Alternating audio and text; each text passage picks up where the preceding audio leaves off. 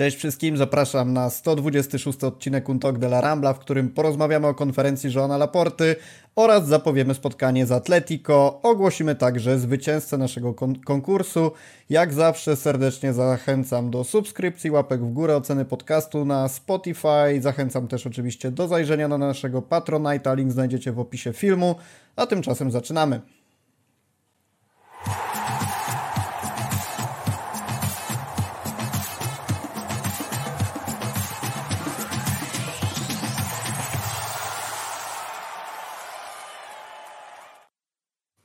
Ponownie ze mną Maciek Miko, siemanko. Dzień dobry. Czeka nas dzisiaj trudny podcast, jak zwykle. Będzie trochę pozytywnych akcentów i będzie pewnie jakieś 95% tych negatywnych aspektów, jeżeli chodzi o Barcelonę, ale tak jak sobie rozmawialiśmy przed chwilą, zanim byliśmy live, możemy bardzo dużo rozmawiać o tym pięknym klubie i wcale nie musimy poruszać tematów meczów, więc jak to zwykle bywa, postaramy się w pozytywnych nastrojach, a jak wyjdzie, to zobaczymy. Jednym takim pozytywnym akcentem na samym początku jest oczywiście ogłoszenie osoby, która wygrała konkurs zapowiadany w poprzednim odcinku Untok de la Rambla. Książka dotycząca rywalizacji Barcelony z Realem idzie prosto w ręce Jarka S. Gratulujemy. Jeżeli jesteś na czacie, to możesz teraz napisać hura kapslokiem, cokolwiek. E, Mateusz Kryczka pisze Siemka, Siemka. E, pytanie konkursowe dotyczyło tego, jaki jest ulubiony klasyk rozegrany na Camp Nou. E, Jarek S. wskazał, że było to pamiętne 5-0 w listopadzie 2010 roku. Myślę, że nie trzeba tłumaczyć tego wyboru, także Jarek odezwij się na naszego maila redakcyjnego. Dogadamy, jak to wszystko będzie w kwestii wysyłki i tak dalej. Jarek S., witam przy okazji. Siemanko, siemanko, gratulacje jeszcze raz. Maciek, to tak słowem wstępu, żeby było trochę optymizmu. Jaki jest twój ulubiony klasyk rozegrany na Camp Nou? A czy ja wiem? Nie zastanawiałem się nad tym nigdy. To no ten 5-0 to jest taki najbardziej charakterystyczny na pewno. E, ja bardzo lubię ten klasyk z bramką, e, z piękną bramką, no, Sancheza. Z tym lobikiem o. takim w okno. Tak to była na pewno ładna brama, aczkolwiek e, ja się zastanawiałem nad tym i 5-0 takie wydaje się bardzo naturalne. Bo znaczy wiesz co, jak, o dobra, może nie ulubiony klasyk na Camp Nou, ale jednak ulubiony to byłby ten 6-2 chyba jednak mimo wszystko, bo to jednak ale no bramki właśnie, były to... i Piqué i ta piękna, fajna bramka, śmieszna Piqué, było wejście Pujola z główki i to chyba ten klasyk, bo taki mi się kojarzy zawsze dobrze ale to na Bernabeu. Ja też patrzyłem no tak. sobie po wynikach, no to tak. rzeczywiście tych klasyków z Bernabeu było więcej, takich, które zapadły w pamięć, bo były i ten 4 No ten 4-0 z Iniesty pięknym strzałem na 4-0, taki pamiętam. Były te bramki samobójcze z Suarezem 3-0, no, było trochę tego. 3-0 z Ronaldinho i oklaskami, o, wywieszenie prania przez, przez Leo. Aczkolwiek no to... na, jeżeli chodzi o klasyki na Camp Nou, to takie największe emocje, jakie ja miałem, to były odnośnie do klasyku, który się nie odbył w 2019, bo słuchaj, kupiłem bilet na to spotkanie. A to wtedy mogłeś pojechać e, na ten mecz, który się odbył e, przesunięty, kiedy był? To jakby był ten bilet aktywny na to?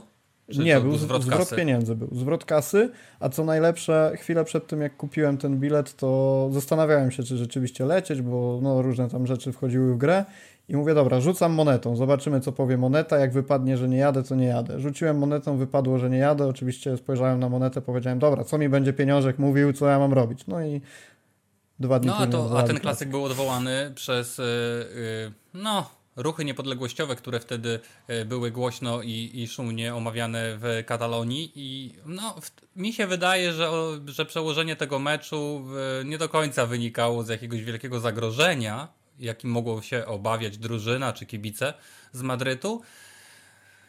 No trzeba przyznać, że wtedy Realowi te, to przełożenie tego meczu było bardzo na rękę tak naprawdę.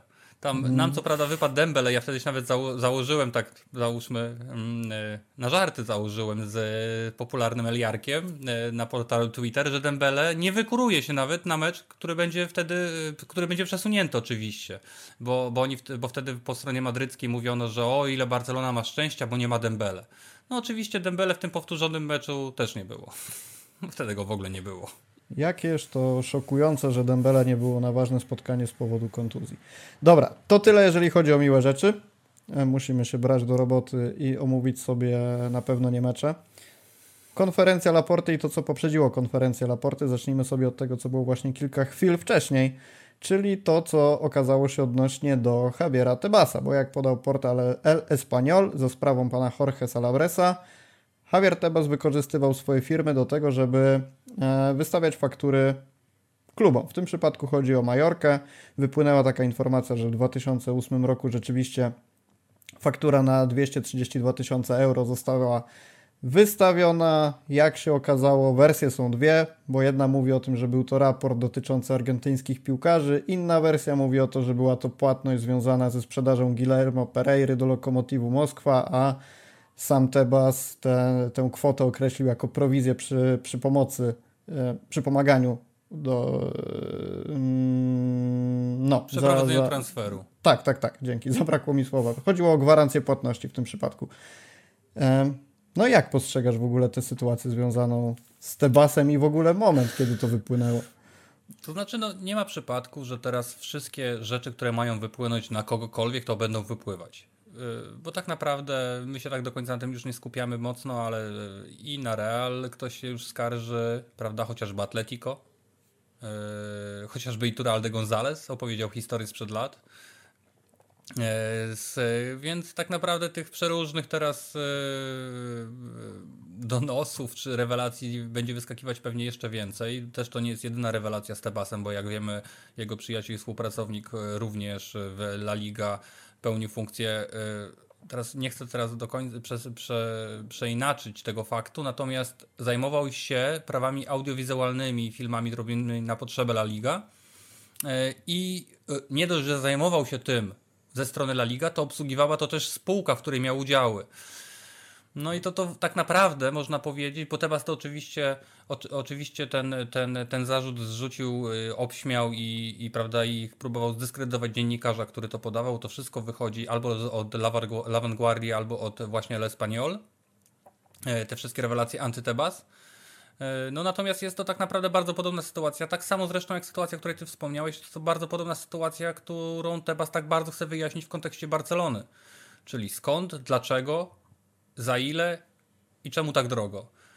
Czyli teraz mamy Javiera Tebasa, który oskarża Barcelonę, no bo on, go, on, on ją jawnie oskarża tak naprawdę, bo nawet jeśli skupimy się na tym, co dzisiaj mówił po, po, po tym spotkaniu yy, La Liga, to powiedział tak.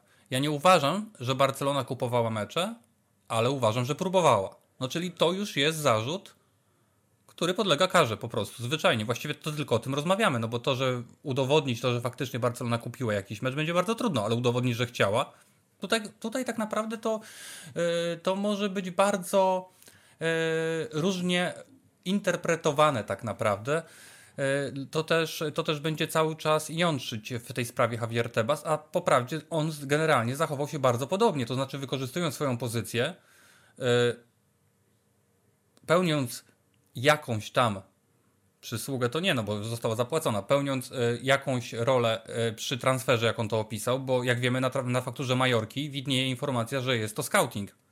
Jest to scouting, jest to też raportowanie, prawda, niejako, czyli coś podobnego E, co robił Negreira dla, dla Barcelony, tylko tu chodziło o piłkarzy, a nie o sędziów, prawda? Mm, no więc i Javier Tebas odpowiada na ten zarzut, że on ma inną fakturę, bo on się pomylił jednak w tej fakturze i on ma inną fakturę, tylko to jest zwykły papier wydrukowany z drukarki, który nie ma żadnego stempla, nie jest w żaden sposób podpisany, no taki papier, który każdy z nas, kto ma dostęp do jakiegokolwiek systemu księgowego, mógłby po prostu sobie stworzyć. Oczywiście jako nie będę to posądzał, bo to też nie o to chodzi. Natomiast no, mamy identyczną sytuację, to znaczy mamy niewyjaśnioną jakąś płatność, on to jakoś tam wyjaśnia. No ciężko te wyjaśnienia kupić, ale jego to nie obchodzi, prawda? On już to wyjaśnił i to już jest koniec tematu. Więc jakby yy, idąc tym tropem, no to jeżeli Laporta wychodzi i mówi, proszę bardzo, mam, nie wiem, 600 ileś tam raportów, no to za to zapłaciłem. No to to jest dokładnie to i na razie. I to jest dokładnie to samo można powiedzieć, co robi Tebas, tylko yy, Laporta powie na razie, a Tebas mówi hola hola. E, a kiedy Tebas mówi na razie, to cała reszta mówi dobra, to na razie.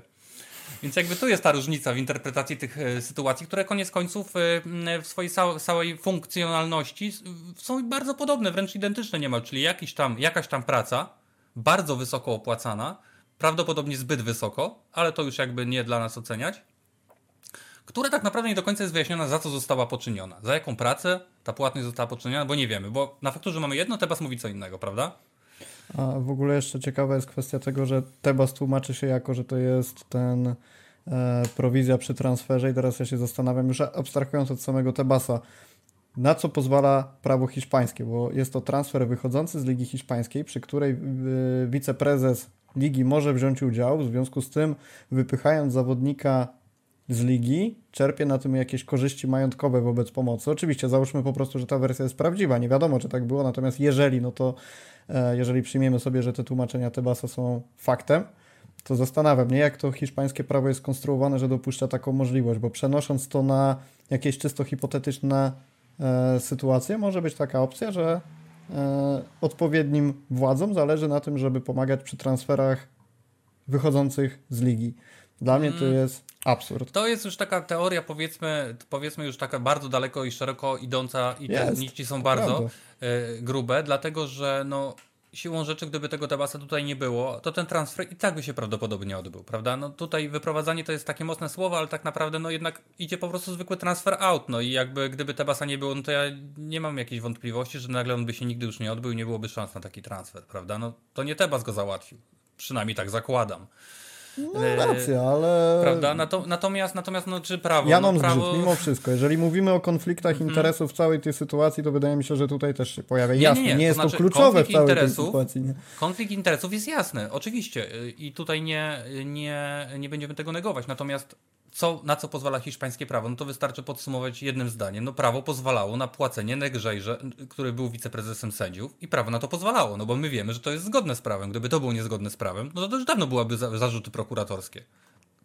Więc jakby nie, sam widzisz, że to, że to prawo jednak no nie, nie było zbytnio rozbudowane i zabezpieczające pod kątem właśnie korupcji, czy, czy pod kątem jakichś tam niepożądanych działań na własną korzyść i właśnie stracie kogoś innego. Widocznie nie mhm. było to takie istotne kiedyś w Hiszpanii. Jeszcze jedna rzecz odnośnie do tej sytuacji. Znowu, nie jest, nie ma to ani absolutnie na celu tłumaczenia Barcelony czy, czy czegokolwiek, natomiast rzuciło mi się w oczy, że nikt nie napisał, znaczy nikt to może dużo powiedziane, ale bardzo cicho przeszło to, że bez większego echa, że nikt nie posądził Majorki o brak etycznych działań. No ale to wiesz, to Majorka, Girona, Rajo, no przecież lista tych klubów, która się potem okazuje, że pobierała przeróżne świadczenia również od Eduardo Negreiry, czy od tam syna, czy ojca, yy, czy tam kto, gdzie, to fakturowano, to powiedzmy na razie zostawmy, yy, i korzystało. No wiem, że Girona to na pewno robiła, prawda? Yy, więc gdy się skupimy na tym wszystkim, no to jak wiemy, już żeśmy o tym rozmawiali, no każdy klub praktycznie ma kogoś takiego. Oczywiście problemem jest to, że my wybraliśmy kogoś no, absurdalnego wręcz do, do, do tej roli, no bo nie dość, że wydaje mi się przede wszystkim, że taka osoba jest zbyt wysoko w ogóle postawiona, żeby robić takie rzeczy, prawda? Czyli już w ogóle z założenia wychodzimy, że jeżeli prosimy o coś wiceprezesa czegokolwiek, no to stawka za tą usługę musi być relatywnie wyższa przecież. No jeżeli poprosimy zwykłego, nie wiem, jakiegoś analityka, który zarabia X na co dzień, to będzie to taniej, no jeżeli weźmiemy kogoś, kto z założenia y, w tej piłce siedzi bardzo głęboko i ma z niej duże korzyści, prawda? No to wiadomo, że ten taki człowiek będzie droższy jako usługa. Yy, no natomiast taka decyzja poszła i tyle, no. Nie wiadomo dlaczego. I to oczywiście najbardziej chce wiedzieć Tebas, najbardziej chcą wiedzieć kluby La Liga i właściciele i pewnie opinia publiczna, dlaczego został wybrany właśnie Negreira. I to mi się wydaje, gdyby to, gdybyśmy mieli odpowiedź na to pytanie, to pewnie byśmy już byli dużo dalej w tej sprawie po prostu, bo cały czas mam wrażenie, że to się wszystko kręci wokół tego. Dlaczego on i dlaczego tyle? No, no Laporta, i tak naprawdę Laporta tego potrzebujemy, na to odpowiedź na potrzebujemy.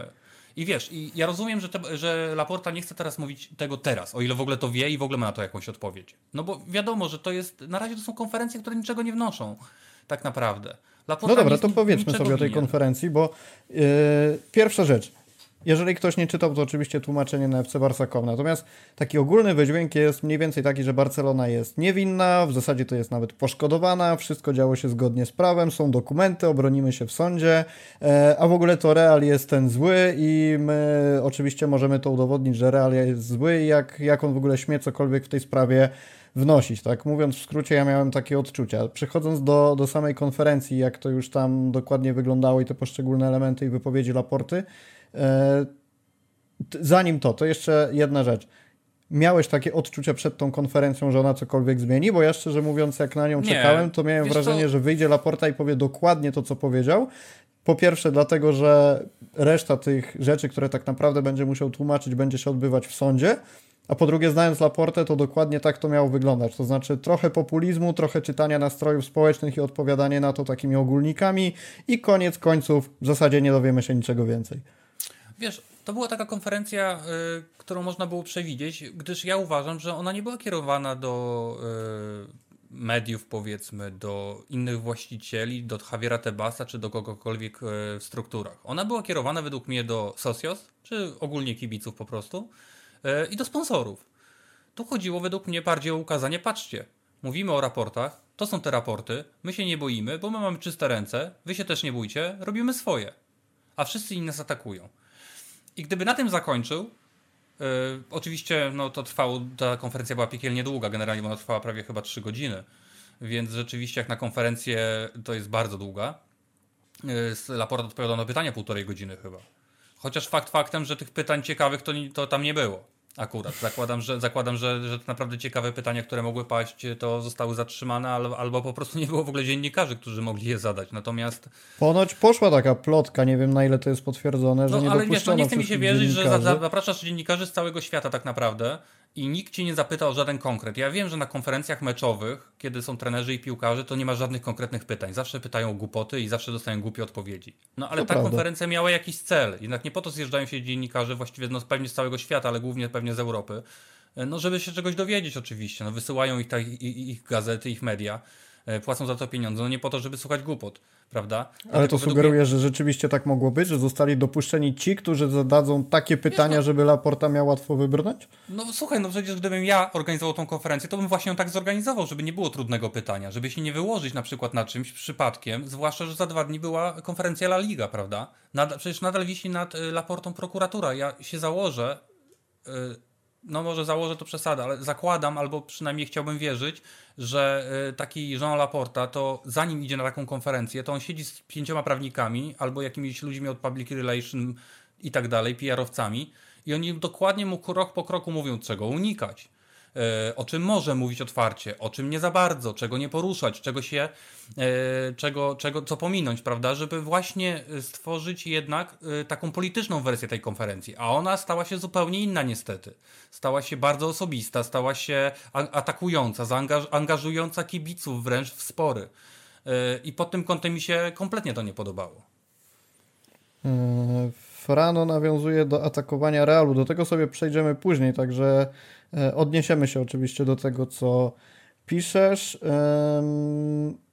Ja miałem takie wrażenie, że Laporta trochę za bardzo stara się postawić Barcelonę w pozycji ofiary. To znaczy, e, tam padły takie słowa, że kampania przeciwko naszej reputacji, która nie ma nic wspólnego z rzeczywistością, jesteśmy więcej niż klubem, nie chcemy wygrywać dzięki pomocy sędziów. Klub nigdy nie wykonał żadnej czynności, która miałaby na celu lub zamiar e, zakłócenia rozgrywek. Natomiast zabrakło mi trochę takiego stwierdzenia, że z punktu widzenia obecnej sytuacji widzimy, że można było zrobić coś lepiej. To znaczy takiej nawet, wiesz, autorefleksji, mhm. że rzeczywiście to jest nieetyczne. I on tam nawiązał nawet do czegoś takiego, że gdyby teraz miał dział compliance, to nie wiadomo jakby się to potoczyło, bo być może ten dział doradziłby mu, że należy zupełnie inaczej podjąć te działania, natomiast na tamten moment, po pierwsze, no nie on to rozpoczął, tylko on to przejął, więc trochę delegowanie odpowiedzialności na kogo innego a po drugie, że teraz może byłoby inaczej, takie wiesz, bronienie się przed tym, żeby przyznać, że to rzeczywiście było nieetyczne, a jednocześnie nie powiedzenie niczego wprost. No powiedzmy sobie tak naprawdę szczerze, że to, że to jest nieetyczne, to wiedzą setki tysięcy kibiców na całym świecie bez działu compliance.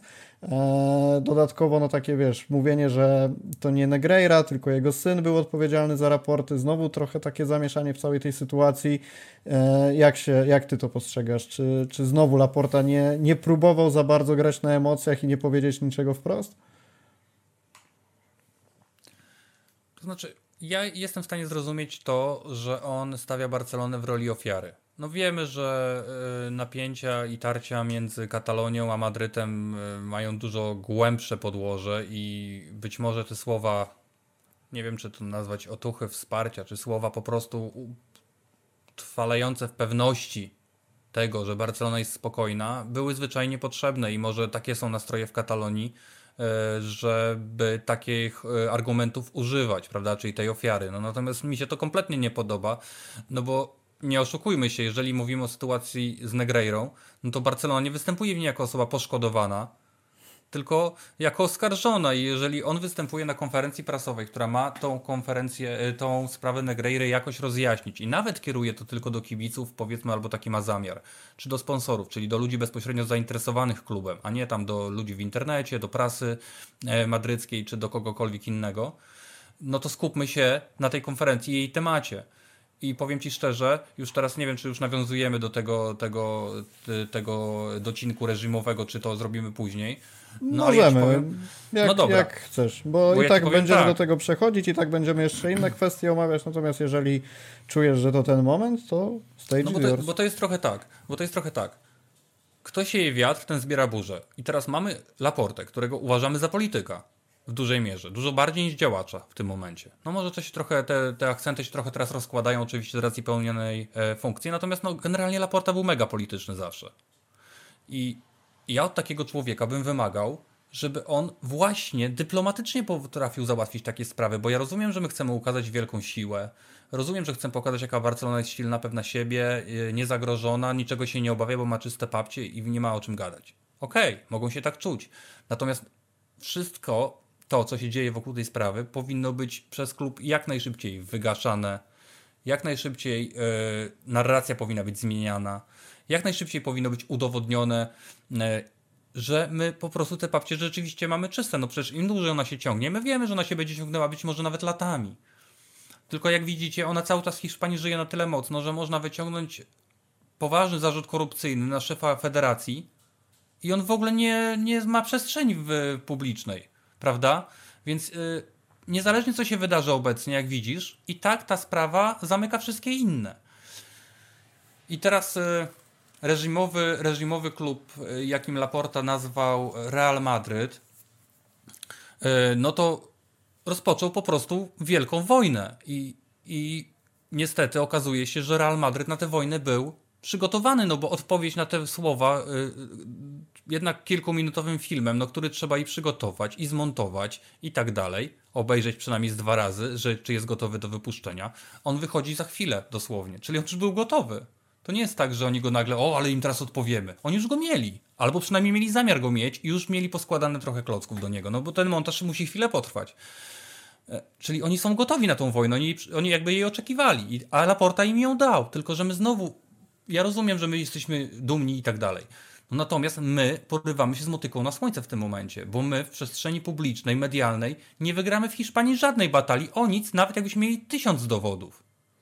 Mm, no bo... dobra, ale powiedziałeś, powiedziałeś coś takiego, że Laporta na pewno przygotowuje sobie całe to swoje wystąpienie ze sztabem, z marketingowcami, no tak z PR-cami, więc zakładając, że tak jest, to możemy e, w zasadzie być pewni, że kwestia ewentualnego E, najazdu na Real w takiej formie, w jakiej to miało miejsce, było zaplanowane. I teraz, jeżeli przyjmiemy sobie taką tezę, że to było zaplanowane, to po pierwsze, po co?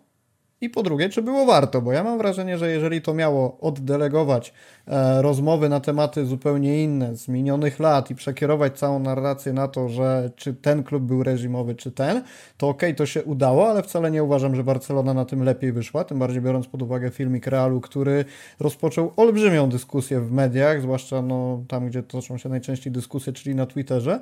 I po pierwsze, Laporta teraz jest stawiany w roli kogoś, kto się zbłaźnił tą wypowiedzią. Tak jak zresztą pisze odkopię sobie sekundkę ten komentarz. E, tylko szkoda, że zamiast wyjaśnić tę zgniłą aferę, to Laporta bezpodstawnie atakuje Real. Laporta jest politykiem, to wiemy, ale że do takich tez dojdzie, to się nie spodziewałem. No i rzeczywiście przede wszystkim emocjonalna teza, w której e, takich czystych faktów i przedstawienia historii było niedużo, grania na emocjach. Z drugiej strony Real odpowiada i robi z Laporty poniekąd w oczach części społeczeństwa błazna. Czy słusznie, czy niesłusznie, o tym sobie jeszcze będziemy rozmawiać. Ale na pewno nie wyszło mu to na dobre. Po drugie, jak to się ma do całej sprawy tak naprawdę, bo rozumiem, że może się odnieść w jakiś sposób do Realu. Oczywiście, że tak, bo Real jest częścią całego tego ambarasu, jako jedna z drużyn dla ligi. E, będzie też stroną, jeżeli się nie mylę, w całym procesie. Natomiast co ma do tego to, że przez, jak to Laporta powiedział, w ciągu siedmiu dekad ludzie odpowiedzialni za komitety to jak Socios lub byli dyrektorzy Realu, to jest pierwsza rzecz, a druga e, odnośnie tego właśnie, że tam był ten Franco i tak dalej. To znaczy, no, nie skłamał. Bo rzeczywiście przez cały ten czas te funkcje sprawowali ludzie związani z Realem Madryt w przeróżny sposób. Okej. Okay.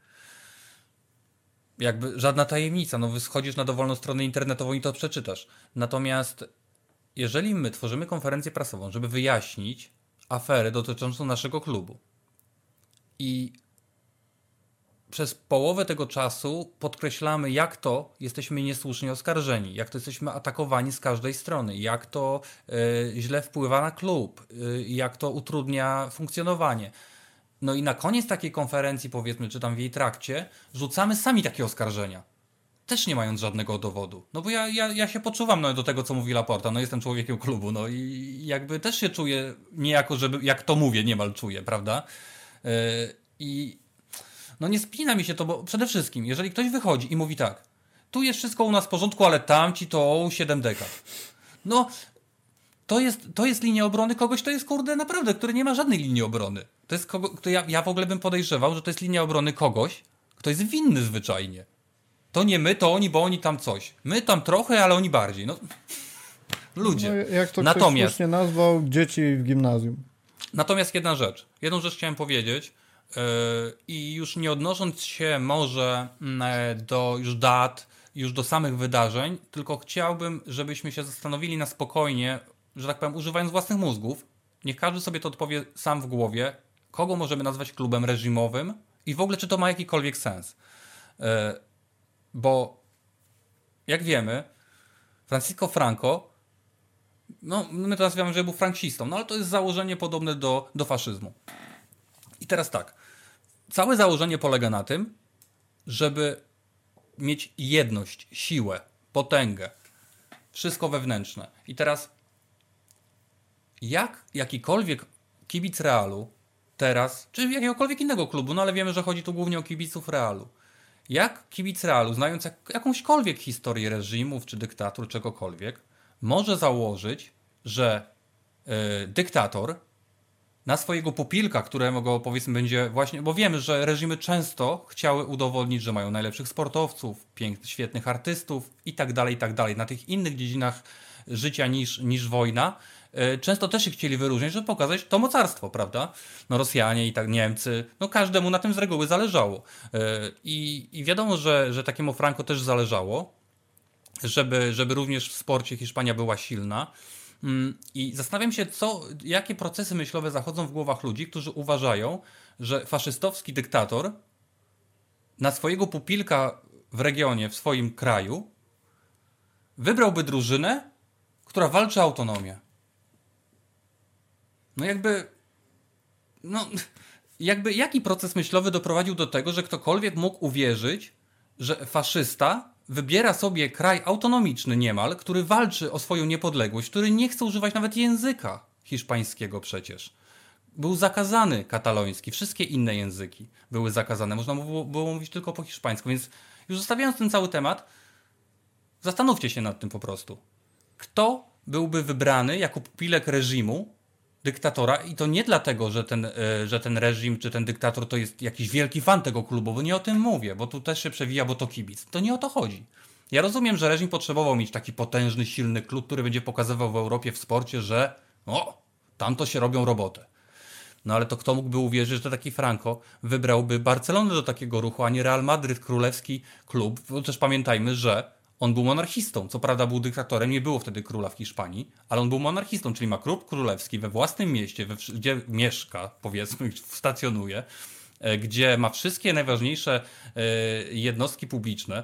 E, no, po prostu w stolicy kraju, którego zarządza i to ten klub, bo pamiętajmy, żeby nie było, Francisco Franco, a raczej jego przyjaciele faszyści Mussolini, jak bombardowali, to bombardowali całą Hiszpanię, nie tylko Barcelonę. Oni robili przewrót w całym kraju. To nie jest tak, że on poszedł, zbombardował Barcelonę. On bombardował wszystko, żeby przejąć władzę.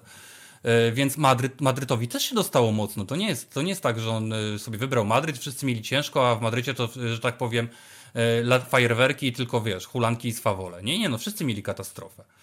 E, cały ten okres jest straszny dla Hiszpanów. Natomiast, natomiast no właśnie nie, nie mogę, jak łatwo jest po prostu ludziom wmówić głupotę e, i nawet kiedy nie jesteśmy historykami i nawet może nas to nie interesować i możemy łykać takie rzeczy, które są absurdalne. No to trochę tak, jakby teraz, wiecie co, oglądamy takie czasami wypowiedzi Rosjan, że oni mówią, że wiecie co, nam to się wydaje, że, to, że, że Rosja nie napadła na, na Ukrainę, tylko Rosja się broni. Bo Putin wychodzi, robi orędzie, że Rosja się boi. Rosja się boi po prostu tej Ukrainy i dlatego musiała ich najechać. Bo to oni są agresorem, ale my chcemy to załatwić na ich terenie. I potem taki człowiek wychodzi w jakiejś sądzie, te, powiedzmy, ulicznej i mówi: Nie, nie, Władimir dobrze robi, my się boimy tych Ukraińców, niech on ich tam powstrzyma, zanim on, oni nam tu zrobią kuku. No to jest trochę podobna zasada. No ktoś powiedział głupotę, ktoś ją kupił, media ją sprzedały, a głupi ludzie łykają. No i to tak mniej więcej wygląda. No nie chcę nikogo obrażać, naprawdę, ale pomyślcie o tym sami. Ale to ja ci powiem trochę z mojej perspektywy, bo ja jestem w kontekście historycznym zielony, to znaczy nie zależało mi teraz przed tym podcastem, żeby przeczytać 30, 40, 50 stron książek o tamtym okresie i teraz rozmawiać i udawać, że wiem, bo uważam, że to jest jednak temat, który, żeby tak się wypowiadać bardzo miarodajnie, to przynajmniej z mojej strony musiałbym dużo Dlatego dłużej nie chciałem poruszać faktów żadnych historycznych, nazwisk i tak dalej. Chodzi o samo założenie ideologii. Jasne, ale. No to sobie wyobraźcie, to sobie wyobraźcie, to sobie wyobraźcie, że, że taki Hitler albo Mussolini to zamiast, zamiast sobie wybierać w Berlinie jednostkę, to sobie znajduje jakiś, jakąś odległą krainę, która chce się odłączyć od Niemiec, tak naprawdę od wielu lat, to on sobie ich wybiera na swoich popilkach i tam będzie, że tak powiem, i organizuje tam na przykład olimpiadę. Ale ty pod, podchodzisz do tego bardzo analitycznie, a pomyśl prostoliniowo jak osoba, która nie interesuje się za bardzo historią, a jest bardziej zakręcona na punkcie sportu i widzi, co się dzieje w Hiszpanii. I teraz jest Laporta, jest odpowiedź ze strony Real Madrid TV i są osoby, które wiesz, gdzieś tam kojarzą tę postać Franco, coś wiedzą na ten temat, gdzieś coś usłyszały, natomiast dostają swego rodzaju potwierdzenie, tak, od klubowej telewizji, która mówi to, to, to i to. I to jest nieweryfikowane. I teraz czy ja się zastanawiam, czy na pewno znaczenie ma w tej sytuacji to, jakie są fakty, czy to, co po prostu ta telewizja chciała przekazać, jak obrócić narrację Laporty i to się udało. Nie wiem, czy to no bo tak działa propaganda, ale właśnie na tym polega propaganda. I kiedy narzędzie propagandy teraz... masz 90% mediów, to to narzędzie propagandy jest jak siekiera na patyki ile byś nie miał racji, to zostaniesz zakrzyczany przez te kłamstwa. I nawet nie chodzi o to, żeby, y, nie wiem, ukarać Real Madryt, czy, nie wiem, zmusić ich do jakiejś reakcji, do przeprosin. To nie o to chodzi. Tylko warto pamiętać o jednej rzeczy. My sobie tu siedzimy w, w, w swoich, że tak powiem, domkach, klepiemy w internet, y, a na miejscu są ludzie, którzy słuchają, że generał Franco im pomagał i był, był super i Katalonia była miodem płynąca dzięki niemu i to właściwie całe sukcesy można im zawdzięczyć, które Katalonia odniosła w tym czasie. No to są ludzie, którzy przecież tracili rodziców, którzy sami mogli ginąć, że tak powiem, jeszcze pamiętać ten okres, bo to, bo to jeszcze pewnie istnieją ludzie, którzy ten okres pamiętają w Katalonii, mm, e, którzy tam potracili rodziny, którzy potracili majątki. Przecież pamiętajmy, że e, cała góra Franco to byli przecież, e, to była elita, to była śmietanka.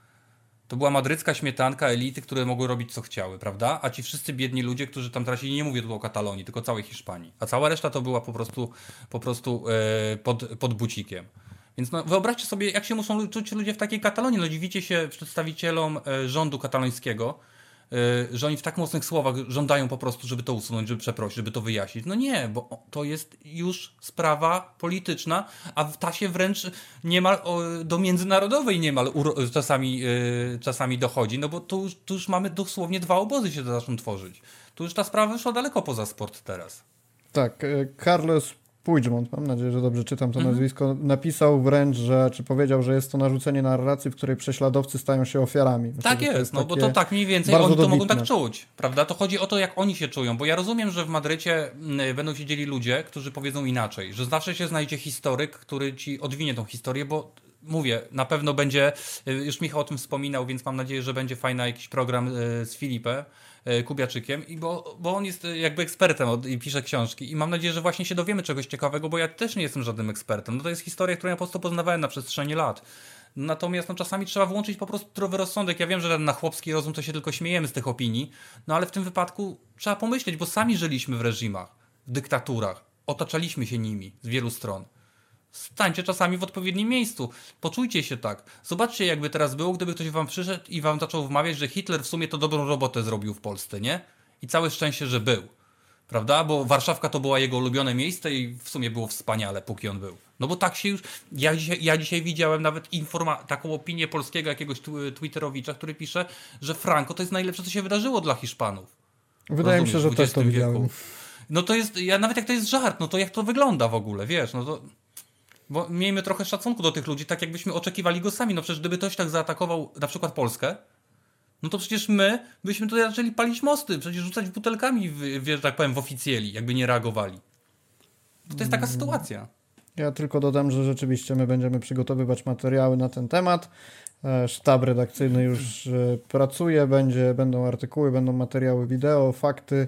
E, natomiast będziemy informować o tym na stronie jak zawsze, a teraz wróćmy sobie trochę, spuśćmy z tonów historycznych i wróćmy do, do samej konferencji Laporty, chociaż oczywiście no, nie deprecjonujemy wartości tematów historycznych, bo one, jak się okazały, były w ogóle kluczowe w całej tej y, sytuacji. Patrzę sobie, co jeszcze miałem, do czego chciałem się odnieść w rozmowie z Tobą e, i mam taki tytuł Brak odpowiedzi Laporty na wzrost cen raportów. To znaczy on powiedział, że rzeczywiście cena usług w 2010 roku wzrosła, ponieważ było więcej pracy. Audyt KPMG to wyjaśnia, trzeba było zrobić więcej raportów scoutingowych na temat zawodników z Akademii Młodzieżowej Barsy i raportów na temat zawodników występujących w rozgrywkach międzynarodowych. Na, na, na, na, na, na. Cena wzrosła, bo był Puchar Konfederacji. Czy czujesz się uspokojony czymś takim? Czy jest to wyjaśnienie, które ty kupujesz, że rzeczywiście tak było, Laporta jest czysty i więcej pracy, więcej kasy? Powiem ci tak, tego akurat nie kupuję. Natomiast samego faktu, że Barcelona za coś przepłacała, no to sorry. Ale czy wyznacie jakąkolwiek usługę, yy, jakiekolwiek dobro, za które Barcelona nie przepłaciła? Za Messiego może jak przychodził za kurację hormonalną nie przepłaciła. Ale przecież my przepłacamy za wszystko. Przecież my robimy multimilionerów z Sergi Roberto. Co zarabiają po 10 milionów za jedną bramkę. I 7 lat tyle zarabiają, bo strzelili kiedyś bramkę. No taka jest prawda. Więc jeżeli chodzi o przepłacanie, no to są tylko yy, to są tylko dwa rozwiązania według mnie, jeżeli chodzi o Barcelonę. Albo po prostu niegospodarność. Myślę, że to jest jeden z najbardziej popularnych, że tak powiem, powodów wielu problemów Barcelony po prostu. No albo po prostu wyprowadzenie dodatkowe pieniędzy z klubu, co też u nas się już niestety zdarzało. Yy, a jeśli weźmiemy pod uwagę okres, który omawiamy, jaka ekipa wtedy była u władzy na zmianę, no to byłoby to bardzo prawdopodobne, bo przede wszystkim trzeba byłoby dojść do punktu, kto tego Negreira tak naprawdę znał dobrze, nie? Dlaczego on to robił, prawda? No to, to znowu, i dlatego rozumiem też kluby, bo Tebasa to nie, bo on to, on to jest głupi po prostu, bo powiem ci, że bo wiesz dlaczego on tak ciśnie, bo on oczekuje, że Laporta coś powie, czego on się będzie mógł zaczepić. Bo on prowadzi dochodzenie jako La Liga. On. Jakiś jego dział prawny, czy jakikolwiek inny, który od tego ma. I oni prowadzą własne dochodzenie. Mamy dwa miesiące afery, właściwie półtora roku jesteśmy pod poprzednim dochodzeniem skarbówki, która już potwierdziła, że niczego nie znalazła, więc on też niczego nie znalazł. No jak wiemy, to też jest zabawne, bo on chodzi, y, rozumiesz, cały czas narzeka, że to jest największy skandal i tak dalej. Jest, to uderza y, bardzo y, w ligę, w reprezentację, w federację, cały, cały kraj. Ma, oczywiście to jest zgoda. No tylko zaraz. Mamy prezesa ligi, no to ja rozumiem, że to, to nie jest coś, co się zamiata pod dywan. No ale to on jeździ po całej Europie i próbuje tutaj pomocy znaleźć, bo sam nie może znaleźć żadnego haka na to. No to. No to ja bardziej widzę, to, co podała... Wiesz, bo on, mi się wydaje, że on czeka na coś, że coś się wydarzy po prostu, że coś nagle wypłynie, ale on do tego nie przyłoży ręki, że się okaże, że miał rację w jakimś stopniu, ale sam na to nie chce zapracować, więc szuka po lewo i prawo, kto mu w tym pomoże. Tylko, że jeżeli on sam kręci wokół tej sytuacji najwięcej dymów, yy, już nie będę mówił, że przesyła, y, no nie będę mówił sfabrykowane dowody, no ale on jest prawnikiem, prawda? Javier Tebas jest prawnikiem. Dobrze mówię? Dobrze mówię. I teraz prawnik wysyła do prokuratury pismo z jakimiś ręcznie odrysowanymi sprzed 30 lat dwoma imionami, które mu ładnie pasują i on to wysyła do prokuratury uznając to za dowód, tak? Prawnik. Przecież to, przecież to w żadnym sądzie by nie ustało. Więc widzisz, no jak to działa. Więc można powiedzieć, o, rzeczywiście się pomyliłem. No ale jak można się pomylić w ten sposób, jeżeli jesteś człowiekiem w temacie? No wiesz, z drugiej strony, jeżeli wysyła takich pism, zależy nie mu, wiem, a strzelam, bo, bo mu zależy. Strzelam, tysiąc, prawda? to raz się pomylił, nie? Chodzi mi o w to, sensie że. nie chcę go bronić, bo wiadomo jak Chodzi mi o to, że teraz, gdyby myślał racjonalnie, to by tego nie zrobił. Po prostu, bo wiedziałby, że to nigdy nie ustoi, bo przyjdzie kumaty prawnik i mu to wyrzuci do kosza na śmieci. Bo to niczego nie mówił ten papier, zupełnie niczego. No imię i nazwisko. No w Hiszpanii to połowa imię i nazwisk jest taka sama. E, więc nic mu to nie dało. Musiał sobie z tego zdawać sprawę, że nic mu to nie da, ale był to jakiś punkt zaczepienia, prawda? E, a może prokuratura jednak się tym zainteresuje, a może znajdzie tam coś innego, a może ktoś inny, kto to zobaczy, że tak powiem, że się pojawiło w gazecie, to zobaczy. Ja mam wrażenie, że on chodzi i robi co się da, żeby ktoś wykonał tą pracę za niego, a cały czas pytanie pozostaje takie, czy jest jakakolwiek praca do wykonania. No według tego, co e, mówi, pisze nie konferencja, tylko kancelaria prawna, tak naprawdę nie mamy na ten moment o czym mówić, bo i nie zostały zidentyfikowane żadne działania korupcyjne. Zostało już podane, że w zasadzie chodzi o scouting i o te raporty sędziowskie. Jest dokumentacja faktur, są udokumentowane płatności. W zasadzie ta różnica między poszczególnymi kwotami też została wyjaśniona, że jest to zależne od poszczególnych rozgrywek, także no znowu to jest rozmowa o tym, że działania nieetyczne, a póki niczego nie udowodnili, to będziemy mieć taki status, jaki mamy. Natomiast y, jeszcze tak odnośnie tej konferencji, podsumowując w zasadzie, myślisz, że ona bardziej klubowi pomogła, czy przeszkodziła? A może nic nie zmieniła, się, że... bo taka opcja też jest. Wiesz co, no, wydaje mi się, że na pewnie na polu takiego czystego marketingu, public relation yy, pewnie pomaga. Myślisz, że jednak jeśli... pomogła, mimo tego, że wydaje, raport powiem ci tak, wydaje mi się, że wydaje mi się, że ludziom na miejscu pewnie, pewnie ludzi na miejscu nie trzeba przekonywać, że Barcelona jest czysto i na pewno w to wierzą. Tak mi się wydaje. Mm, myślę, że kibice w innych krajach, czy w Polsce chociażby, z którymi mamy kontakt oczywiście, e, też raczej tak nie myślą. E, no natomiast na przykład sponsorzy.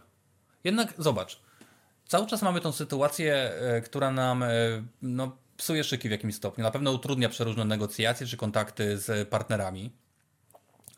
A sami się szykujemy do powrotu Messiego i już liczymy kasę, jaką on nam przyniesie.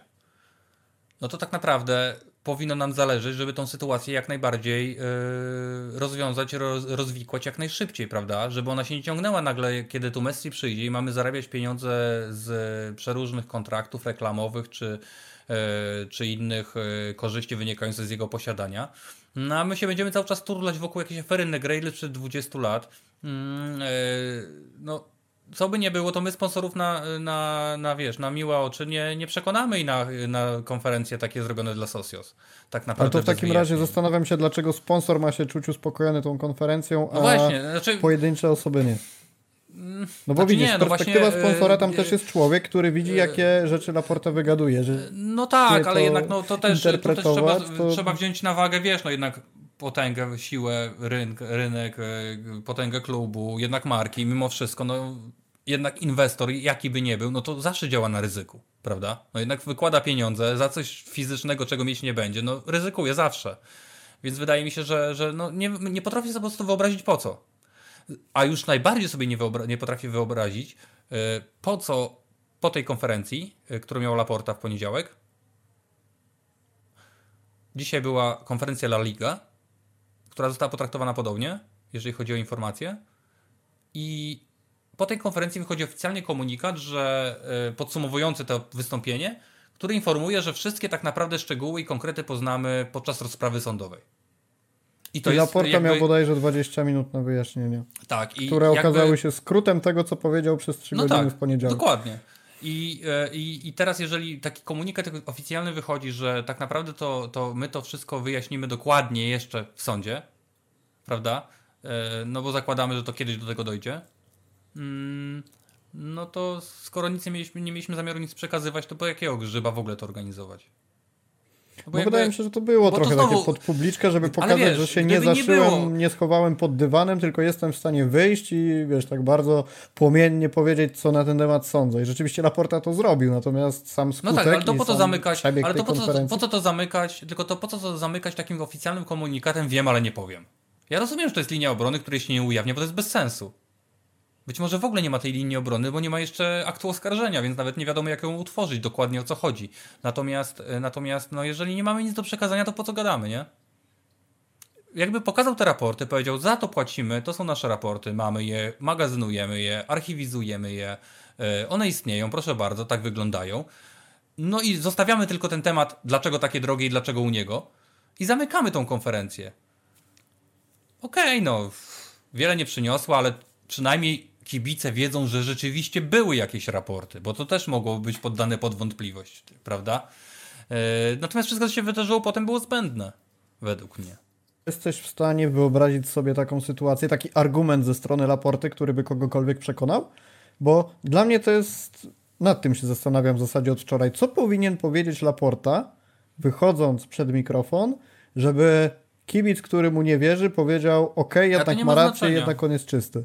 Według mnie Ale nie jest ma znaczenia. No, E, Według mnie to nie ma Dlaczego? znaczenia kompletnie. A dlatego, że niezależnie co on powie, to i tak e, narracja jest pisana w Madrycie. I tak narracja będzie pisał Tebas, przyjazne Realowi dzienniki, klubowa telewizja madrycka prawdopodobnie i tak dalej.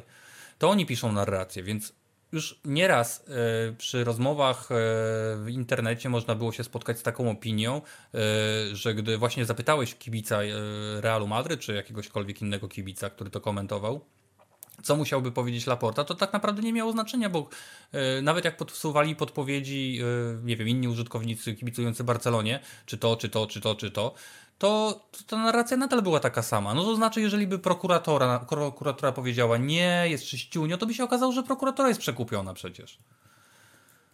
Więc jakby ta narracja już się nie zmieni, tego już my już nie odwrócimy, wiesz, to można to, dla mnie już jedyny cel tej sytuacji teraz, w tym momencie, kiedy ona istnieje i w ogóle o niej mówienia, bo według mnie Laporta już też powinien ją zamknąć w ogóle. Bo mi się wydaje, że na tym etapie już powiedzieliśmy wszystko, nie trzeba tego powtarzać i znowu się dziwić, że nie ma też nic nowego, prawda? odczucie. E, I e, wydaje mi się, że na tym etapie my powinniśmy już totalnie to wygaszać. My, z naszej strony oczywiście, bo wiadomo, że dzienniki będą tym żyły. Mm, Natomiast no, jeżeli my nie będziemy brali w tym udziału, no bo my czekamy, co się wydarzy w trakcie dochodzenia, no bo dla nas to jest też przecież ważne, no bo my możemy się bronić, jeśli trzeba, bo Tebas, um, brońcie się, no ale przed czym, prawda? no dajcie jakieś oskarżenie, to się będziemy bronić. E, to lepiej nic nie robić rzeczywiście teraz. No natomiast musimy na przykład pokazywać y, naszą e, jednak jakąś y, komunikację z UEFA, no bo to jest dla nas najważniejsze w tym momencie. Przecież wiemy, La Liga już mówiła. Tu się liczą Nie dziesiątki milionów. No właśnie, tu fakt. La Liga już mówiła, my nie wszczynamy dochodzenia, my wyjaśniamy sprawę, no ale to, co się wydarzyło jest przedawnione i cześć. Zobaczymy, co zrobi prokuratora. Natomiast my się musimy martwić o UEFA w tym momencie, a nie o Tebasa.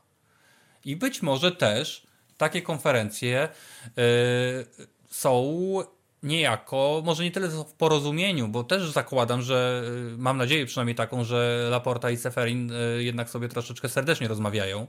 Yy, Mimo wszystko mam nadzieję, że, że Laporta nie jest taki, taki bardzo agresywny i taki zwłaszcza oblężony przede wszystkim, tylko rozmawia z nim normalnie, bo też wiem, że rozmawiali, mówił o tym Seferin. E, No bo to jest dla nas ważne, to jest istotne, wiesz, bo to, że w Hiszpanii będą sobie pisać, gadać, a nic na końcu nie zrobią, my się będziemy tylko wnerwiać, że musimy to czytać, to jest jedno. No ale jak UEFA pozrobi po swojemu, no to to mogą być kłopoty, już takie naprawdę kłopoty. To są kłopoty, których możemy już, wiesz, szybko nie wrócić, już dużo większe niż mieliśmy i, e, i wydaje mi się, że też być może takie jednak jawne stawianie się, że tak powiem, bo ja rozumiem, że w, w rozumieniu Laporty to są jakieś konkretne wyjaśnienia mimo wszystko. No inaczej by pewnie tego nie robił to też jest takie pokazanie, no nie, no zaraz, wszystko jest w porządku, bo zakładam, że po prostu ekipa Ceferina, no to ona musi, jej jest dużo ciężej do czegokolwiek dojść, nie? No ona nie siedzi w środku, nie Ale czy dostanie oni w ogóle informacji od... będą chcieli dochodzić? Oni mogą postawić Laporcie prosty, prosty No komunikat. nie, no ale jakąś podstawę muszą mieć, no jakiś dochod-. No tak, ale to też nie jest dyktatura właśnie Ceferina. No jakiś proces y, musi zajść nawet w UEFA. Jednak to jest organizacja, ma swoje struktury, ma odpowiednie działy, które się odpowiednimi rzeczami zajmują. No nie wyjdzie Ceferin, nie powie, no wiecie co, to dzisiaj decyduję, że Barcelona jest wyrzucona na rok, bo ja nie jestem pewien, czy tam nie było jakiegoś wałka. Prawda? No bo tak idąc tym tropem, no to musiało być do połowy klubów tak wychodzić co 5 minut. Juventus dopiero siedział na ławce Bardzo, oskarżonej dzisiaj. bardzo łagodnym okiem patrzysz na UEFA, bo ja wcale bym się nie zdziwił, gdyby rzeczywiście tak było. To znaczy, Nie, bo ja nie do chcę- końca mamy dowody, mamy podstawy, damy radę zrobić tak, że ultimatum stawiamy Laporcie na zasadzie mówisz, że Superliga jest B i wtedy zostajesz z nami i nie masz kłopotów finansowych, olbrzymich kłopotów finansowych w następnym sezonie.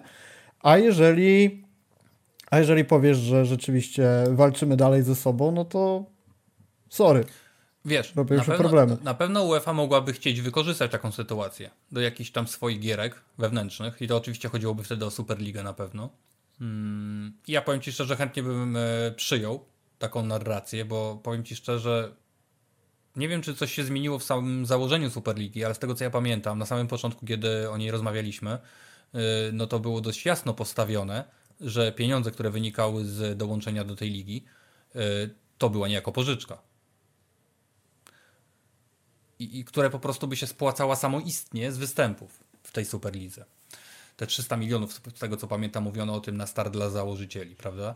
Yy, I jako, że jest to pożyczka i tak właśnie byłaby przedstawiona, no to żeby ją przyjąć Superligę, potrzebujemy referendum. Po prostu. Bo Laporta nie może decydować samodzielnie, muszą zadecydować Socios. No to skoro i tak my decydujemy, a nie Laporta, to dlaczego on nie może położyć tego projektu do spania nawet na 15 minut, żeby się przypodobać Ceferinowi, nawet jak chce do niego wrócić za, nie wiem, 5 lat, 2 lata, za miesiąc, czy kiedykolwiek, a dlaczego my nie możemy na razie tego położyć do spania, skoro nam to stoi kością cały czas, cały czas to gdzieś w tych wszystkich naszych problemach cały czas się pojawia, e, a ani tego tematu tak naprawdę nie ma. E, ani się nic wokół niego nie dzieje. Juventus ma swoje kłopoty, my mamy swoje kłopoty. Real właściwie ma wszystko gdzieś, bo nie ma żadnych kłopotów i może sobie grać w Superlidze, może sobie wygrywać Ligi Mistrzów, może sobie kupować Bellinghamów i mają wszystko gdzieś, więc im jakby oni sobie mogą być w Superlidze, mogą nie być i nikt im nic nie powie, bo są za silni. Więc jakby nie rozumiem też, jeżeli oczywiście to jest jakiś temat dla, dla UEFA obecnie, czy da się tym jakoś zahandlować, że tak powiem, z nimi no to ja bym to wykorzystał po prostu, nawet jeśli to nic nie da. No to jest ta polityka, której ja bym oczekiwał. Nie tylko e, wypinanie piersi, przyjmowanie ciosów i mówienie jesteśmy niewinni. No ale polityka polega na tym, żeby Barcelona miała lepiej. Po to jest Laporta. Jeżeli trzeba się popłaszczyć, to niech on się płaszczy, no sorry. Jeżeli trzeba Trochę wydaje mi się niezły charakter człowieka, żeby No ale kurde, no ale on tu nie jest dla siebie. Wiesz, to o to chodzi. On tu nie jest dla siebie. Ja mam wrażenie, że my cały czas o, o, operujemy wokół tego, czy Laporta jest taki, a czy jest inny. Ale to nie Laporta tutaj jest ważny, tylko Barcelona. Bo Laporta zrobi swoje lub nie. E, jego, e, jego e, działania będą ocenione po czasie. No ale jak ten czas już minie Laporty, no to on wróci do siebie, usiądzie w fotelu i będzie dalej palić cygaro. A, my, a my możemy wtedy, wiesz, na przykład nas nie być w ogóle, albo być w drugiej lidze, albo być już tak biedni, że wszyscy piłkarze posprzedawani, prawda? Więc y, y, no, chciałbym, żeby jednak cały czas głównym e, punktem odniesienia dla decyzji w e, klubie był klub. I tego bym się spodziewał, jeżeli takie działanie, na przykład takie opuszczenie Superligi, dajmy na to nawet przyznanie jakiegoś, jakiejś racji Ceferinowi, choć cokolwiek to może oznaczać, no to niech on to robi. Bo on to robi dla klubu. Nie tam jego, wiesz, ego nie interesuje tak naprawdę. Ja się z Tobą zgadzam, ale zastanawiam się, czy Laporta będzie w stanie podążać tą drogą. E, jeżeli chodzi o samą konferencję La Ligi, to szczerze mówiąc, nie powiem, że się zawiodłem, bo znowu nie oczekiwałem fajerwerków, ale w zasadzie nie pojawiło się dużo takich kwestii, które ter na teraz warto byłoby podnosić. Poza jedną ciekawą wypowiedzią Tebasa, szczerze mówiąc, że nie podoba mu się koncepcja, aby zagraniczny arbiter sędziował w Hiszpanii. To jakby moim no, zdaniem jest no, bardzo zła e, informacja dla dla rozwoju tej, tej ligi, bo szczerze mówiąc trochę liczyłem na taki przepływ sędzia, sędziów między Wiesz ligami, co? poszukiwania tak na zasadzie transferów, trochę jak w przypadku zawodników. No tu się okazuje, że sytuacja y, w stylu totalnego betonu i niestety. No to znaczy, wiesz co, no na razie to, na razie te, te sędziowania e, sędziów gości e, są jednak mimo wszystko rzadkie i to nie jest jeszcze aż tak popularny kierunek. Szczerze mówiąc, e, kiedy się ogląda mecze w Lidze Mistrzów, chociażby to, co wczoraj zrobił Marciniak, czy w Anglii sędziów, to powiem Ci szczerze, że taka zmiana wcale nie musiałaby być korzystna. Jedyna korzyść, no która wynikała... wariantem jedyna korzyść, która by wynikała z takiej zmiany jest to, że po prostu sędziowie, którzy by przyjechali gościnnie, nie znają tych piłkarzy zwyczajnie, nie mogą mieć o nich wyrobionego jakiegoś zdania z boiska, więc też nie mogliby sobie w, w, na tym, e, na kanwie tego, tak jak jest to w Hiszpanii najczęściej, yy, no mieć tych różnic w sędziowaniu, prawda? No bo to widać gołym okiem, prawda? Jeżeli sędzia kogoś lubi, jeżeli ktoś jest dla sędziego sympatyczny, kulturalny, to ma łatwiej, a jeżeli jest niesympatyczny, to nie ma łatwiej, no. I tyle i może dostać za nic, a ten, a ten sympatyczny, co się ciągle uśmiecha i klepie po ramieniu Casemiro, nigdy nie dostanie. No to tak mniej więcej działa. Mm, a kiedy masz sędziego, który cię nie zna, który z tobą nie rozmawiał i nie wie, jak się zachowujesz na placu, no to patrzy na ciebie inaczej. Yy, więc być może to by pomogło. Natomiast jeżeli chodzi o samą konferencję La Liga, to też była dosyć długa, bo też trwała ponad 3 godziny chyba. Yy, natomiast, yy, no tak, jak mówisz, nic się na niej specjalnego nie wydarzyło. Właściwie to strzępki informacji dostaliśmy, też tłumaczonych tak, za każdym razem. E, i to też tłumaczonych za każdym razem to samo zdanie było tłumaczone inaczej. E, tak naprawdę. W jednych e, tłumaczeniach wynikało, że właściciele klubów La Liga w ogóle nie przyjęli tych, tych tłumaczeń, raporty. Z innych wynikali, że go wysłuchali, zrozumieli, ale to jest trochę dla nich za mało. No Enrique Cerezo mówił wprost, on to mówił wczoraj jeszcze, mm, przed tym, przed tym spotkaniem, że jego sprawa Negreira w ogóle nie obchodzi. Jeżeli jeżeli Barcelona zrobiła coś źle, to trzeba to udowodnić i ich ukarać. I tyle. I to jest koniec tematu. I tak naprawdę tak powinno funkcjonować właściwie każda sprawa. Jeżeli są winni, to trzeba to udowodnić. Zostaną ukarani, no bo tak wygląda to prawo. No to jest tym, najprostsze. jak działają media hiszpańskie. To tam jest Ale za, właśnie o to za chodzi i dużo dlatego- punktów zapalnych, żeby tego nie nagłaśniać i nie robić afery. No tak, no ale, ale, to jest takie, ale to jest takie racjonalne podejście, wiesz, bo wiele klubów teraz A to La Liga prawda. na bazie tego, co się dzieje, próbuje coś ugrać. Zwyczajnie. Skarżą się na sędziów. Oczywiście mają dużo podstaw do tego. Ci sędziowie ich karają ostrzej. Karzą, przepraszam. Zwróćcie uwagę na jedną rzecz. E, bo rozmawialiśmy o tym chyba czy nie, ale na pewno internet trochę tym żył. E, bo Sergio Canales dostał zawieszenie, ale odwołał się do sądu. Tak jak zrobiła to swego czasu Barcelona. Sąd wstrzymał tą karę na jedną kolejkę, zupełnie identycznie jak w sytuacji Roberta. Canales w tym meczu dostał czerwoną kartkę za faul na ostatnim zawodniku. Ale powiem Ci bardzo uczciwie, że takich fauli widziałem kilka i w Hiszpanii za, takie taki, za, takiego, za taki faul na ostatnim zawodniku, który jest przy, no może nie, nie, ma, nie, nie bardzo przy linii bocznej, ale 5-7 metrów od linii bocznej, a obrońca już, że tak powiem, defens, defens, defensor e, tej drużyny, e, czyli Betisu w tym wypadku, już jest, prawda? Już zabiegłby drogę. Więc nie ma tej otwartej drogi, a jednak Canalesa wyrzucono, a dwa dni później utrzymano karę, prawda? I dzięki temu, wszystkiemu, co się wydarzyło, Canales nie zagra z Barceloną na Camp Nou, które jest za miesiąc, prawda? Bo zagrał te mecze, które, które miał pauzować. Trochę jak Robert, prawda? Czyli też ten jeden mecz e, wymusili niemal No, ten absurd, mecz, absurd. prawda? Żeby, żeby zagrał, a, a potem ta kara została utrzymana. Tylko, że Canales dostał jeszcze w tym meczu czerwoną kartkę. Więc ma łącznie teraz chyba cztery mecze pauzy przed sobą. Niesamowity jest ten sezon pod tym względem. E, dobra, ale no jak jesteśmy przy boisku, to sobie pogadajmy chwilę o tym, co się na boisku będzie działo. Pewnie nie jakoś szeroko, bo jeszcze kilka dni do meczu z Atletico jest, ale wprowadźmy taki kolejny, może pozytywny akcent, chociaż, chociaż o piłce sobie porozmawiajmy, bo jednak Barcelonie zdarza się też poza aferami trochę pokopać w piłkę. E, No co, Atletico trzecie w lidze, dwa punkty straty do Realu. Pojawiały się jakieś pojedyncze głosy, że jest szansa na to, że wicelider w postaci Realu zamieni się miejscami z trzecim Atletico. Nie wiem na ile to jest możliwe, ale perspektywa matematyczna przynajmniej No jest. zasięg jednego meczu tak naprawdę, no. Prawda, Real myślę, że. Myślę, że Real będzie się starał w lidze jeszcze dwie, trzy kolejki maksymalnie. Jeśli, jeśli poczuje krew, to pójdzie do końca. a Jak nie, to, to będzie to trochę wygasać się skupią na Lidze Mistrzów. Zwłaszcza, że będą mieli trochę tam kłopotu, bo trafią do pewnie City, to się dowiemy dzisiaj, ale już stracili Militao na mecz za kartki, a w trakcie meczu strzeda Laba z tym samym urazem, którego wykluczył z początku tego roku kalendarzowego. E, Więc jak im obaj wypadną, to myślę, że będą e, mocno się e, w lidze oszczędzać. Po prostu, zwyczajnie. No na pewno w, defensywie, bo po prostu fizycznie nie będą mieli piłkarzy do niej. Może tak być. Zobaczymy. Póki co Barcelona i pytanie do Ciebie. Czym Xavi może Atletico zaskoczyć? Bo wraca Pedri, wraca Frenkie, być może wróci Dembele i pojawiło się już taka bardzo optymistyczna aura wokół Barcelony, że e, wraca ten trzon zespołu Xaviego, że pojawiają się kolejne nazwiska, które przecież w tych najważniejszych meczach decydowały i tak dalej, i tak dalej. Już te statystyki, że Atletico jest w tym sezonie fenomenalne, no bo to nie jest tylko obrona, ale też przecież atak, który w tym sezonie funkcjonuje super. Już to wszystko nie jest takie straszne, bo wraca Pedri, wraca Franki do wyjściowej jedenastki. Ja natomiast mam duże wątpliwości co do tego, że Xavi będzie w stanie skomponować coś takiego, że zaskoczy Simeone, bo powiem Ci, że jak oglądałem te dwa ostatnie mecze 0-0 z Hetafe i 0-0 z Gironą, to miałem poczucie, że po pierwsze te mecze są identyczne, po drugie jeszcze bardziej uwydatniło się to, o czym rozmawialiśmy sobie parę razy, czyli że Barca w zasadzie nie ma w ogóle pomysłu, jak grać z piłką i powiem w zasadzie bez piłki też, e, zero jakiegokolwiek zaskoczenia, zero pomysłu na to spotkanie i zastanawiam się, czy powrót tych zawodników jest czymkolwiek, co może ten obraz zmienić, ale podejrzewam, że Ty wielkim optymistą nie będziesz w tej kwestii.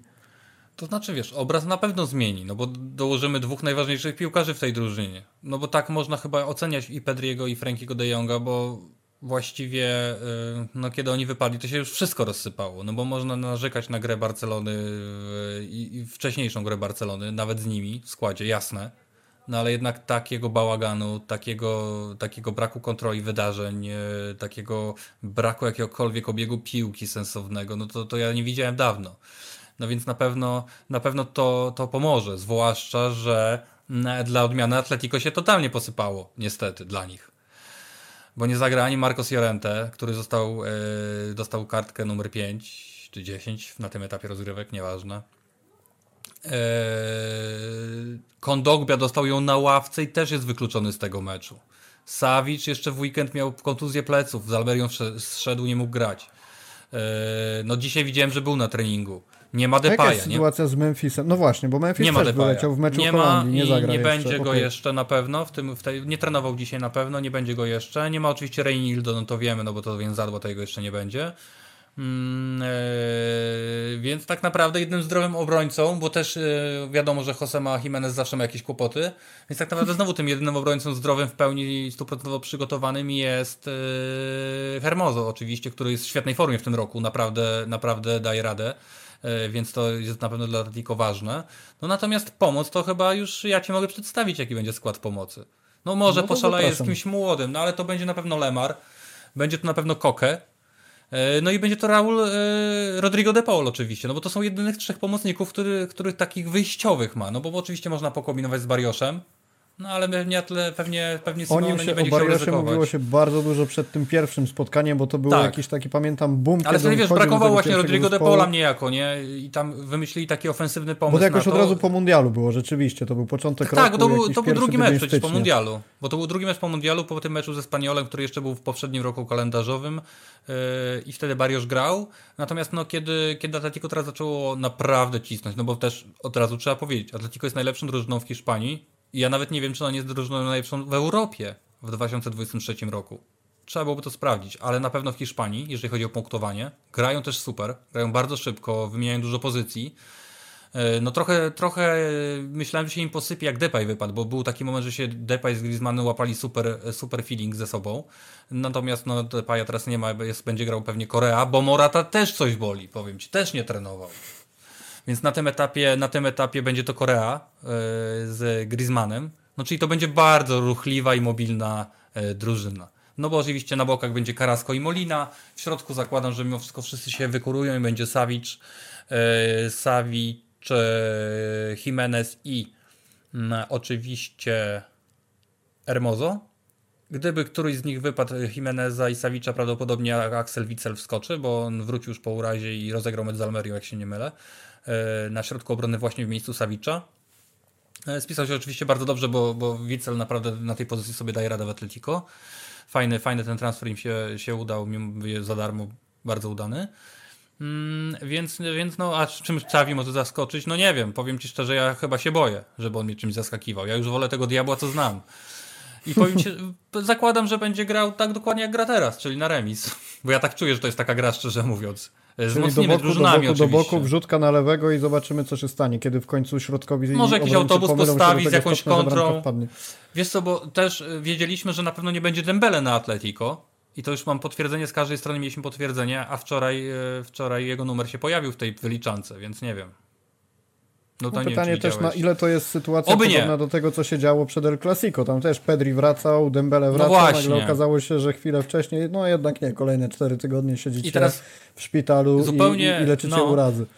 I teraz powiem Ci zupełnie uczciwie, mamy 11 punktów przewagi, tak? W lidze. Si. 10 kolejek.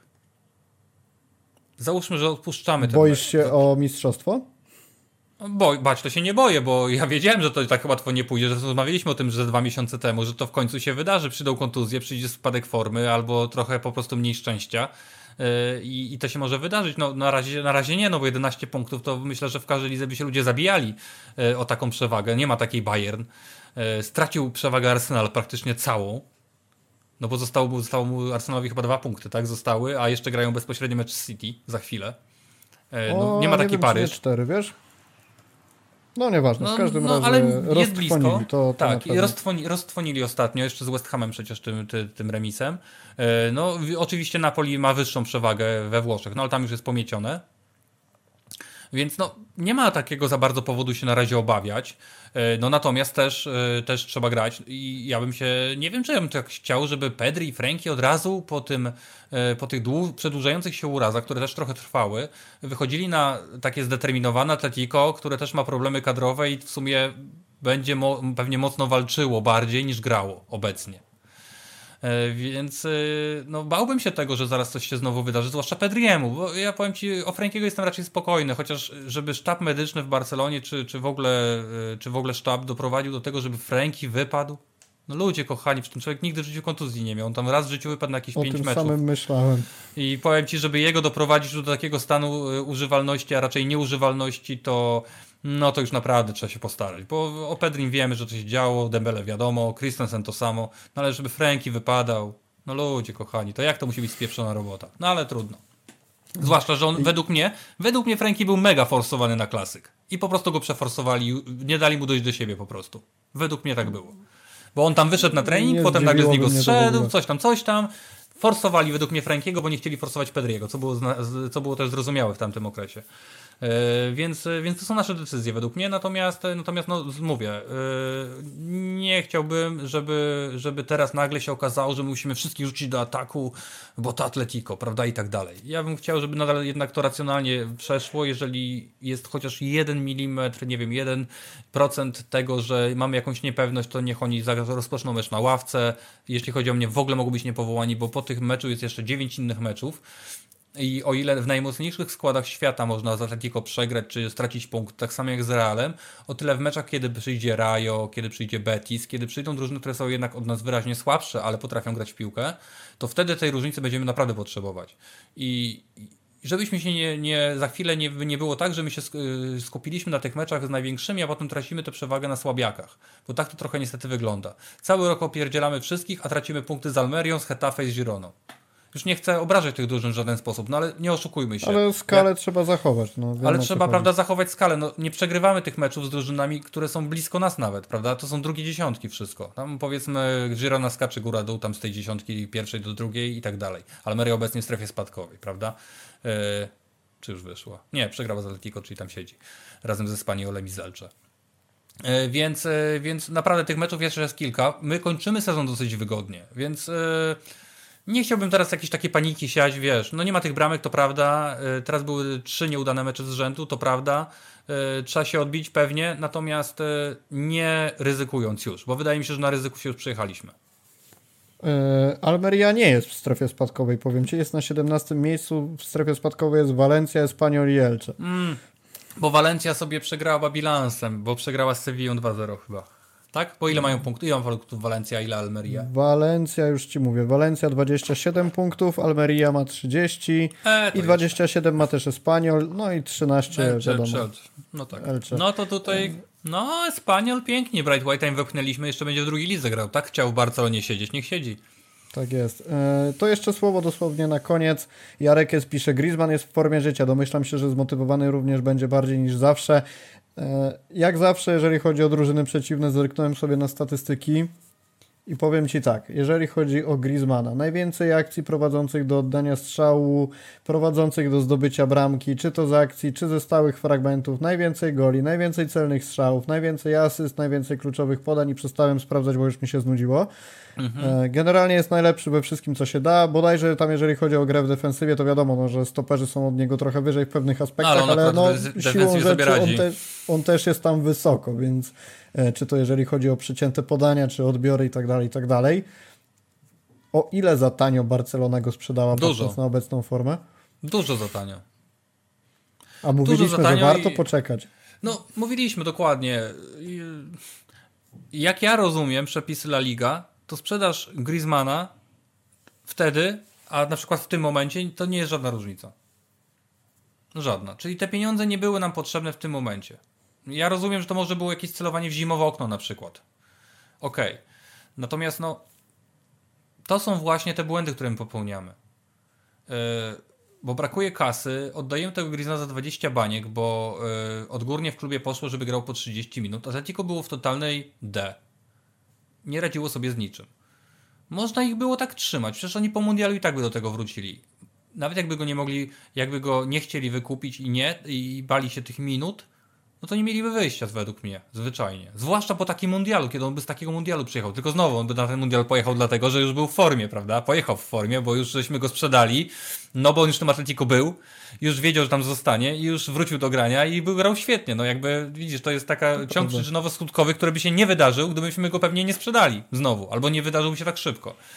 E, No natomiast rzeczywiście można było te negocjacje odłożyć, według mnie, powiedzieć Atletico, grajcie nim, my się dogadamy, bo my go nie chcemy. Okej, jakoś by się pewnie dogadali, być może na jakąś niższą kwotę, no natomiast no, sprzedanie najlepszego piłkarza La Liga, e, głównej postaci mundialu, e, nawet wiadomo, że po, po 30, ale jednak, za 20 milionów, no to...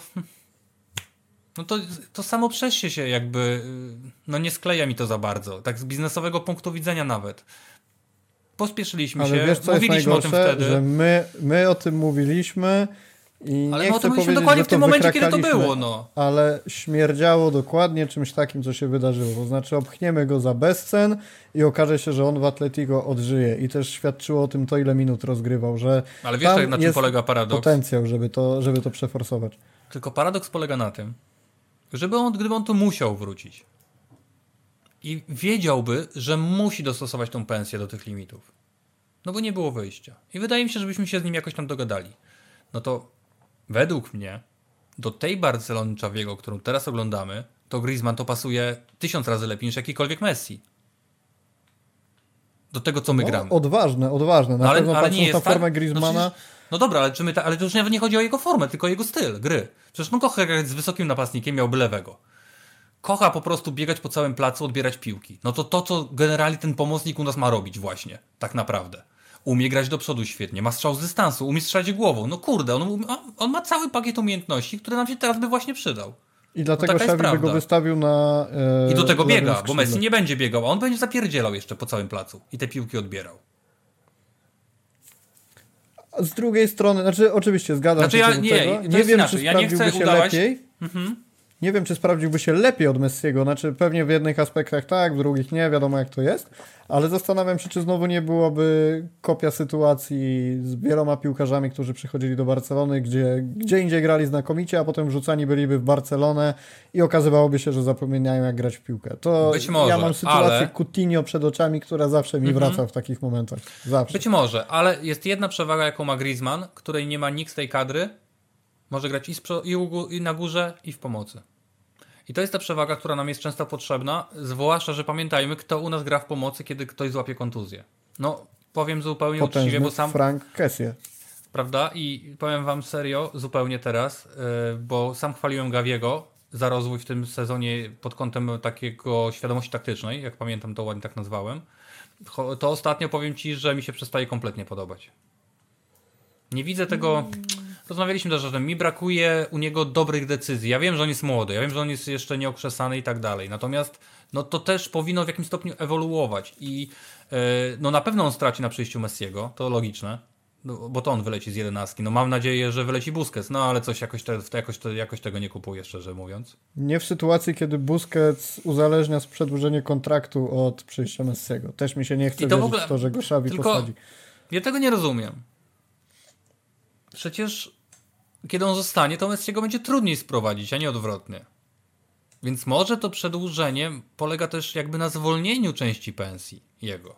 Ja cały czas jakoś żyję taką świadomością, że może on jednak odejdzie, wiesz, że on to wcale nie chce zostać. Że on sobie też zdaje sprawę z tego, jaki jest obecnie. No a przedłuży, jeżeli musiałby tą pensję zredukować, no to zostanie kolejny rok pewnie. I znowu będzie chciał do 2025 na te na obchody, na 24 pod koniec. I mamy teraz, i co nagle, nagle Busquetsa na jeszcze dwa lata?